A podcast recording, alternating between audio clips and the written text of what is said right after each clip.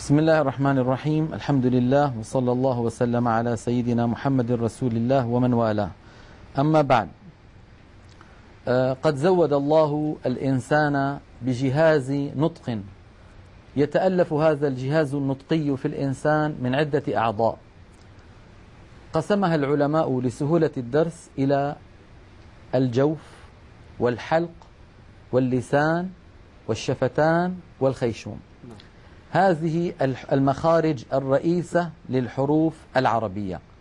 آه نلاحظ على الشاشة آه مقطعا في رأس آه الإنسان. آه نلاحظ بأن الجوف هو الخلاء الداخل في الفم.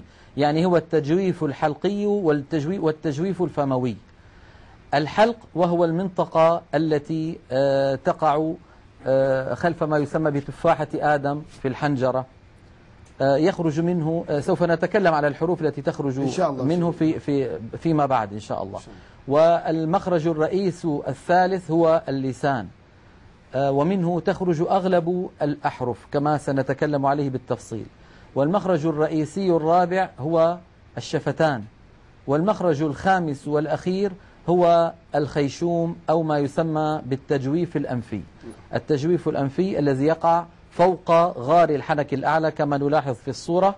التجويف الأنفي مكتوب عليه الخيشوم.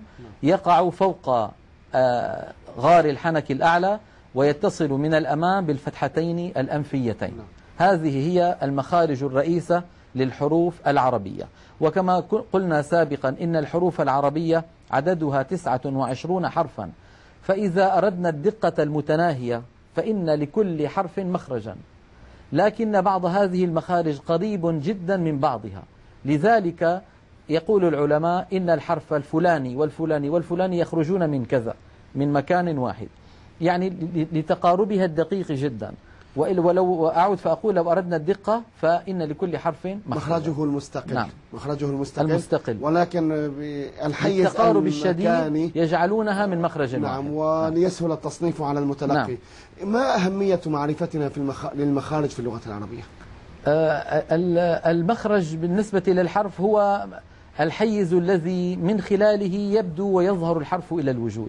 فلو أن إنسانا يعني غير مكان خروج الحرف إلى مكان آخر يتغير صوته وإذا تغير صوته بالتالي يتغير مدلوله نعم. يعني ممكن إذا غير الإنسان مكان مثلا كثير من الإخوة العجم ليس عندهم حرف الحاء نعم. بعضهم يبدله هاء نعم. فيقول مثلا الرحمن وبعضهم يبدله خاء فيقول الرحمن مثلا ف آه، يعني إذا تغير مخرج مخرج الحرف تغير المعنى المراد من تلك الكلمة. يعني كلمة مثلا الحال. إذا قرأها أحد من الذين يبدلونها خاء يقول الخال مثلا. آه، والخال لا علم والخال هو أخو الأم. فيتغير نعم. المعنى نعم. بتغير مخرج الحرف. نعم. فلذلك معرفة مخارج الحروف العربية هي الركن الركين في علم التجويد بالدرجة الأولى.